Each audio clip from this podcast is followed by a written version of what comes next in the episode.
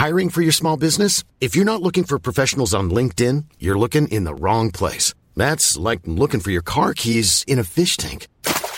LinkedIn helps you hire professionals you can't find anywhere else, even those who aren't actively searching for a new job but might be open to the perfect role. In a given month, over 70% of LinkedIn users don't even visit other leading job sites. So start looking in the right place. With LinkedIn, you can hire professionals like a professional. Post your free job on linkedin.com slash people today.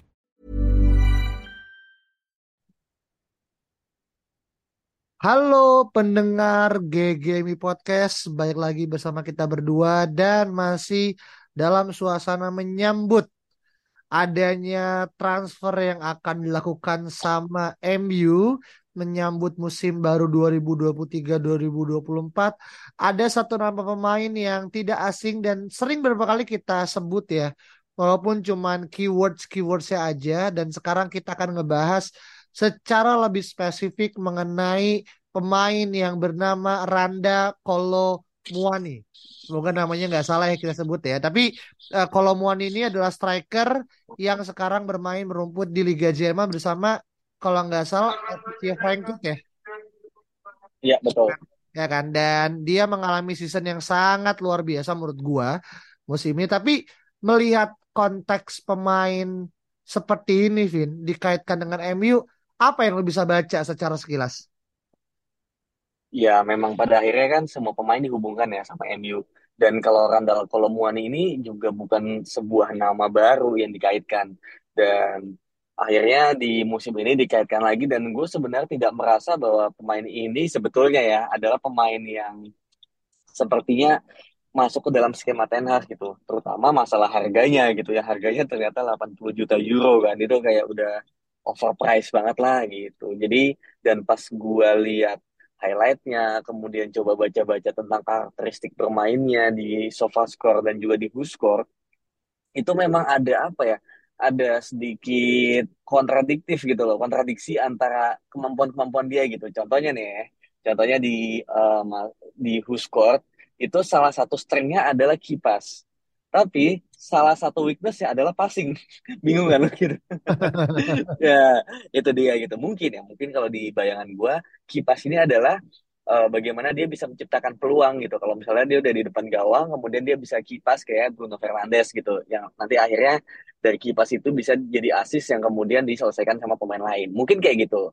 Tapi kalau passing mungkin ketika build up gitu loh. Jadi kayak misalnya lu ala-ala kayak Anthony Martial gitu. Lu dioper terus uh, pemainnya ini uh, apa namanya membelakangi gawang kemudian dia bisa melakukan kombinasi passing. Nah mungkin passing-passing seperti itu yang dia lemah gitu loh.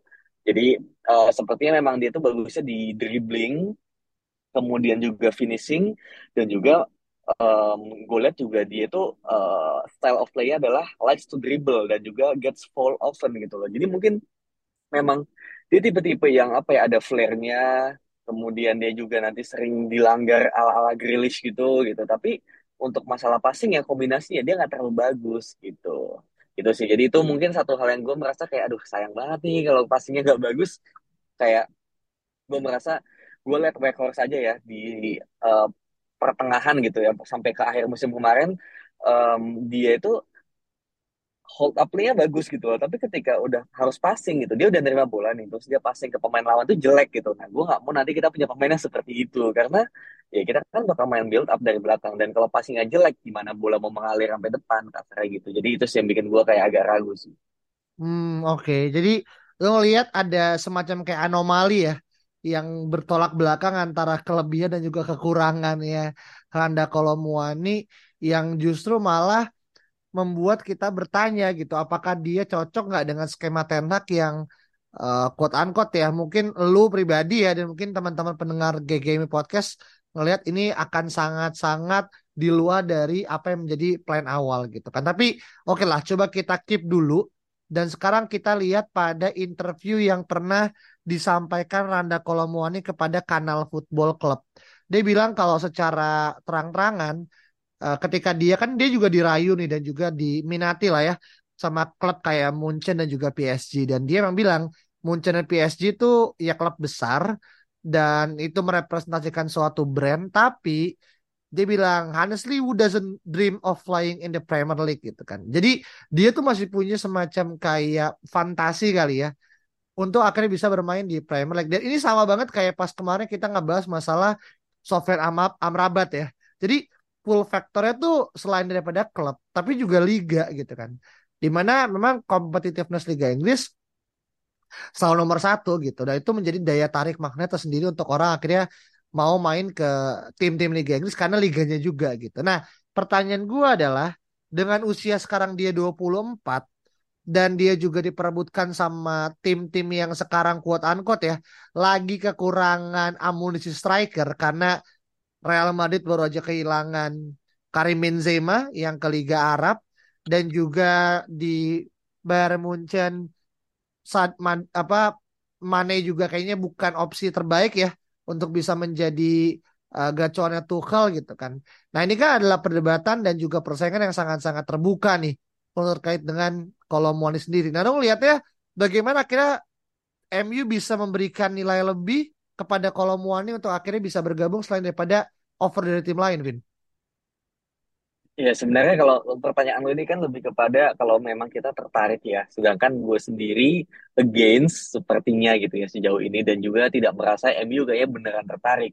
Karena memang harganya tuh mahal banget men, 80 juta gitu dan gue tidak merasa dia pantas dihargai segitu gitu.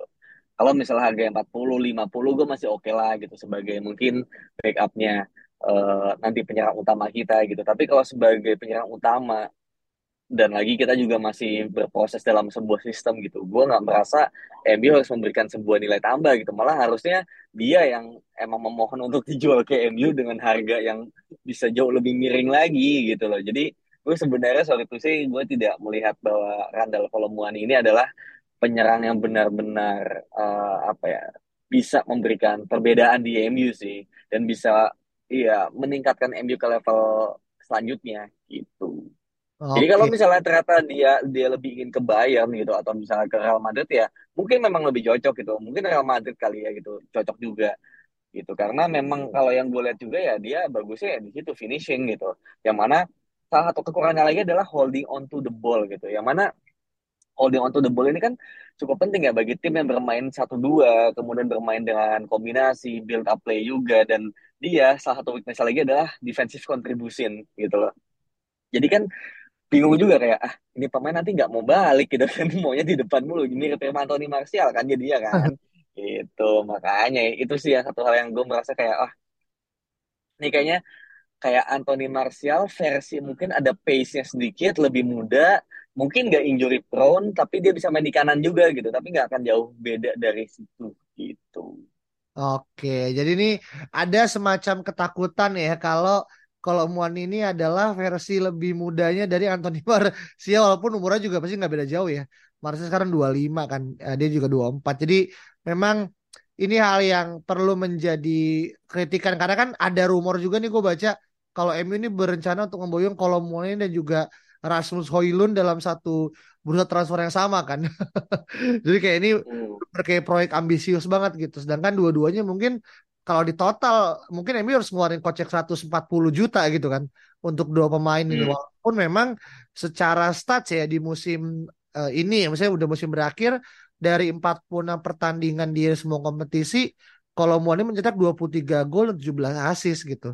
Yang mana kan ya lumayan lah ya Vin ya dalam arti dia bermain di tim yang quote unquote secara squad mungkin kalau dibandingin sama uh, Munchen ataupun sama Dortmund ya sangat-sangat jauh gitu kan. Dan dia masih bisa memberikan efek yang luar biasa sih. Gue dalam tanda petik ya acung, acungi jempol gitu. Dan ternyata dia pun juga dapat dukungan dari salah satu legenda MU itu Luis Saha gitu. Ia mengatakan kalau memang Kolomuani belum selevel dengan Harry Kane, tapi ada rasa lapar untuk mencetak gol yang ngebuat dirinya tuh bisa menjadi pemain yang serbaguna. Nah, dia menekankan pada konteks serbaguna. Nah, lu ngelihat kalau Muani ini apakah bisa ditempatkan di posisi lain dalam arti versatile seperti apa yang Luis Saha sampaikan nggak, Vin? Iya, um, sebenarnya betul gitu. Dia memang pemain serbaguna. Dia uh, penyerang tengah, tapi bisa main di kanan juga sama ya meskipun dia pemain kaki kanan tapi dia bisa bermain fasih di kanan dan juga meskipun ya kalau di Huskort itu dia nggak ada rating untuk bermain di kiri tapi somehow gue kalau lihat di highlightnya dia tuh juga suka bergerak ke kiri atau bergerak dari kiri gitu. Jadi mungkin memang dia bisa bermain apa yang melebar lah ya kasarnya gitu ke arah kiri ke arah kanan dan dia bahkan bisa juga bermain sebagai attacking midfield gitu. Makanya tadi mungkin bagian kipasnya jadi bagus gitu. Jadi dia mungkin bisa memberikan killer pass ala-ala Bruno Fernandes gitu. Cuma mungkin dengan defensive contribution yang tidak terlalu bagus. Nah, jadi memang mungkin serbaguna yang dibilang itu adalah itu gitu, pemain fungsional. Lu pasang di tengah bisa, kanan bisa, kiri bisa, jadi AM pun bisa gitu kalau di dalam formasi empat dua tiga satu Gitu. Sebenarnya sih bagus ya, versatility itu memang gue juga suka ya. Semua orang juga tahu gue suka yang versatile. Cuma nggak 80 juta juga sih menurut gue gitu loh. Dan apa ya, kayak kalau versatile gini biasanya kan pemain-pemain yang mau jadi cadangan ya, mau jadi backup. Dan lu beli 80 juta nggak cuma buat backup doang kan gitu. Apa iya kita mau mengulang Harry Maguire lu beli segitu cuma buat pilihan keempat kan enggak kan gitu. Jadi Iya. menurut gua kalau makanya kalau harganya masih 40 gitu, empat puluh lima puluh ya ya masih oke lah gitu kan. Mungkin nanti dengan versatility-nya akhirnya dia menemukan posisi baru yang lebih baik buat dia gitu. Tapi 80 is a big no sih buat gua. Iya, tapi juga gini kali ya. Angka 80 ini kan datang karena emang kontrak dia masih cukup lama kan, Vin. Dia aja baru cadangan Oh 5 betul. kontrak di tahun 2022. Berarti habis tahun 2027 gitu. Jadi kalau ngomongin kontrak wise memang ya eh, Ernest Franket ya wajar-wajar aja sih. Akhirnya me- me- me- men-slap ya eh, harga segitu Hmm. gitu. Karena kan emang kontraknya masih panjang gitu. Dan memang eh, dia ini kan sebelumnya se- sebelum akhirnya ditandakan kontrak dia kan habis dipinjemin ya ke klub Prancis kan Nantes dan juga Bologne gue nggak tahu nih gimana ngomong bola tapi Bologne dan dia membuat debut yang cukup manis dan akhirnya kan dipanggil tujuh kali ke timnas Prancis dan salah satunya adalah dia mencetak gol tercepat gitu kan third, uh, third fastest goal gitu kan di World Cup history ketika dia uh, menyerahkan gol ke gawang Maroko di semifinal gitu kan. Jadi nama dia kan mulai muncul di situ tuh yang mulai ada semacam kayak gaungnya lah gitu kan. Dan itu kan bareng sama kalau nggak salah Markus Thuram ya, bareng masuknya gitu kan. Jadi ya menurut gua World Cup tuh semacam kayak membuat pelatuknya tuh lebih tinggi lah. Dan emang diper, dipertajam dengan penampilan dia di liga ya, yang akhirnya sangat-sangat eh, apa namanya ngebuat dia jadi naik namanya. Tapi yang gue lihat gini, Vin, Mo- Moani kan 24 ya. Di mana akhirnya Victor Osimhen juga 24 gitu. Jadi Iya. sebenarnya kalau kita ngomongin usia wise gitu, kita seolah ngelihat Osimhen tuh lebih tua gitu. Karena kita masih nganggap Iya. eh Moane tuh masih youngster gitu. Padahal umur mereka ya sama-sama aja. Lalu akhirnya melihat konteks misalkan nih, Moane di angka 80, Osimhen di angka 140. Lu akan tetap milih Osimhen walaupun 60 eh, budget spend itu bisa digunakan untuk misalkan Mason Mount segala macam. Wah, iya makanya lagi-lagi ya ini kan harga harga ini kan harga-harga yang nggak ada patokannya gitu loh. Ini adalah harga-harga di mana para klub pemiliknya ini semena-mena menentukan harganya gitu kayak kalau Muani 80 ya benar yang lu bilang tadi karena memang baru perpanjang kontrak dan dia dianggap sebagai pemain paling penting. Begitu juga dengan Osimhen 140 150 karena memang ya ini kali terakhir tahun terakhir di mana ya Osimhen bisa dijual semahal itu. Kalau musim depan udah, udah tinggal setahun lagi, lu udah nggak punya power lah untuk ngejual segitu. Pemain eh, tim lawan tinggal menunggu tahun depannya lagi aja untuk dapat gratis gitu. Jadi memang pada akhirnya harga-harga ini ya dipatok sendiri gitu. Jadi kalau misalnya pertanyaannya seperti itu ya gue nggak milih dua-duanya sih gitu. Overprice semua men gitu loh. Kecuali memang pada akhirnya kita dibeli sama Qatar. Satu. Kedua, mungkin kalaupun kita dibeli sama Qatar ya kita juga nggak akan segampang itu beli pemain yang overprice gitu. Kayak kita tuh harus smart buying gitu loh. Ja- jangan jangan mentang-mentang punya duit and then harga berapapun yang dipatok tuh langsung dibeli begitu aja gitu. Kayak satu merusak harga pasar kedua juga bisa ada sentimen di mana oh MU mau nih bayar berapapun ya udah nanti semua harga pemain tiap ke MU bakal dinaik-naikin terus gitu loh. Karena merasa mampu membayar pemain yang segitu gitu. Itu loh itu mungkin sentimen yang mungkin nantinya tuh bisa berbalik buat kita lagi. Jadi kalau pertanyaannya kayak gitu ya gue mending atasan ego aja. Pokoknya kalau Muani ya, let's say 60 or nothing gitu. Osimhen juga mungkin yang maksimal 100 or nothing gitu. Jadi gue memilih untuk nggak mau mengambil dua-duanya, nggak mau ngikutin apa yang mereka mau sih gitu. Jadi ini ya, jangan mau dikadal-kadalin sama salesnya tim lain ya. Iya, Karena gitu lah. mengetahui MU eh, pembeliannya buruk, penjualannya lebih bego gitu. Makanya, take Iya. it or leave it lah. Iya iya iya. Tapi ini menarik nih. Jadi gue ngelihat, dan ini gue baca ya dari Atletik uh, Laurie Wetwell, ya as you know lah, dia sering ngebuat tulisan-tulisan yang sangat uh, in-depth gitu kan. Dan di sini dibilangin kalau kalau Muani itu a modern center forward. Dan kadang Ya, disebutkan kalau Muani itu bahkan dimirip-miripin dengan Thierry Henry gitu. Ya apa ase, apa ya ancestor dia ya di Prancis gitu kan. Yang mana uh, itu adalah hal yang mungkin gue bilang sanjungan ya. Uh, dan banyak kan, even Anthony Martial pun juga disebut kayak Thierry Henry gitu. Dulu pada saat dia pakai gloves dan merangsat dari sisi kiri gitu ya. Ujungnya sekarang kita tahu lah betapa akhirnya jadi pemain yang bahkan tidak bisa mencapai performance terbaiknya gitu kan. Dan yang lucunya adalah head coach dari Patricia Frankfurt, Oliver Glasner, itu malah menginginkan Kolomuani itu jadi striker yang a little bit more selfish gitu. Dalam arti kayak dia pengen uh, Muani itu nggak terlalu banyak mungkin ya roaming ke berbagai macam sisi, tapi untuk akhirnya uh, memilih untuk berada di tiga perempat kotak penalti dan lebih menekankan pada finishing gitu. Ya makanya dia kenapa ditempatkan main di tengah gitu kan. Walaupun emang tadi lu bilang kan dia biasa main di kiri, main di kanan dan kalau teman-teman nonton kompilasi YouTube ya dan itu yang gua gua sama Alvin lakukan gitu. Lihat kompilasi di YouTube gitu. Dia nggak jarang gitu kan main dari flank ya. Dan itu sangat fasih juga walaupun emang secara apa ya uh, agilitas dan juga flair kalau lu bandingin sama tipikal winger murni kayak Sancho yang kita punya atau mungkin Antonia tentu skills dan juga triknya nggak begitu banyak gitu kan. Dia lebih ngandalin masalah technical dan juga mungkin body balance yang menurut gue sih cukup oke okay, gitu kan. Jadi well tinggal kita lihat akan berlabuh ke mana um, kalau Muani. Tapi sih menurut gue kalau dia nggak pindah saat ini nanti ujungnya gue ngerasa bisa jadi kayak Belotti di era tahun 2012-an dia ngelakuin one season wonder yang sangat-sangat luar biasa. Musim berikutnya jeblok parah gitu kan. Walaupun ujungnya beda ke Roma ya. Tapi kan nggak tahu ya hmm. yang Belotti pada saat itu musimnya gila banget kan Emi bahkan sempat diincar kan? Eh sorry Emi sempat ngincar Belotti gitu. Tapi ujungnya nggak ada yang mendapatkan Belotti dari Torino gitu. Yang ujungnya musim berikutnya malah semua tim merasa kayak blessing in disguise gitu nggak dapat nih orang gitu karena aku takutnya nih kalau Mon ini punya apa ya habit lah gitu. Karena kan dia datang dengan dari nama yang mungkin kita tidak pernah dengar gitu kan.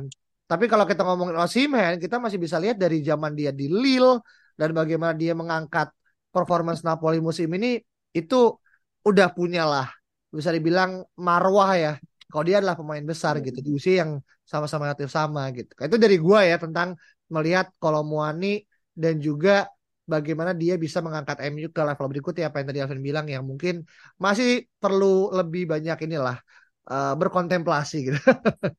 Segala macam. Nah tapi terakhir Vin ya. masalah visibilitas. Seperti biasa ini gue selalu tanya karena ya tentu dong apa gunanya kita berbicara masalah A sampai Z tentang pemain tapi kalau kita nggak tahu apakah ini orang berapa chance untuk bisa hadir gitu ke Theater of Dream musim depan kira-kira di angka berapa Vin?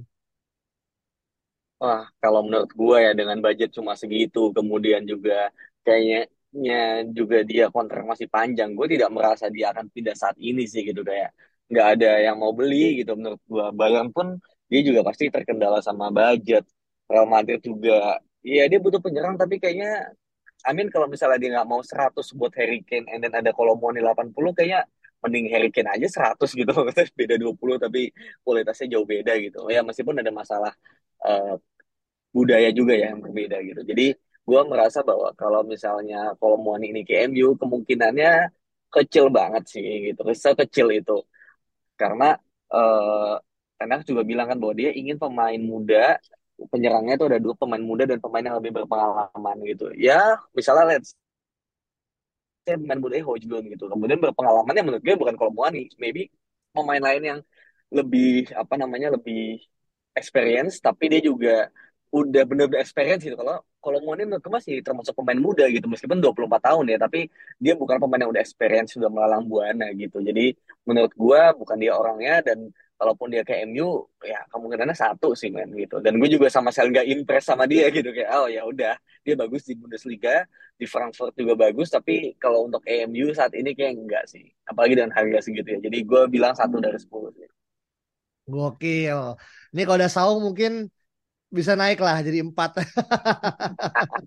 Karena selalu kan kita, kita kalau ya mungkin teman-teman pendengar GGMU semakin lama teman-teman ngikutin podcast ini kan semakin sadar ya kalau saung tuh stance-nya pasti pada porsi di mana kita harus menjaga squad depth dan kita nggak perlu ragu untuk mengeluarkan biaya karena kita tahu sayang kita ada City gitu yang gak ragu-ragu untuk mengeluarkan duit sebesar apa pun untuk suatu pemain gitu dan kita tahu dari Jack Grealish lah segala macam gitu sedangkan kalau Alvin melihat pada realita di lapangan dan bagaimana melihat pada konteks prioritas gitu. Jadi uh, ya karena sekarang Saungnya nggak ada, jadi Alvin lebih banyak yang akhirnya bermain logik ya.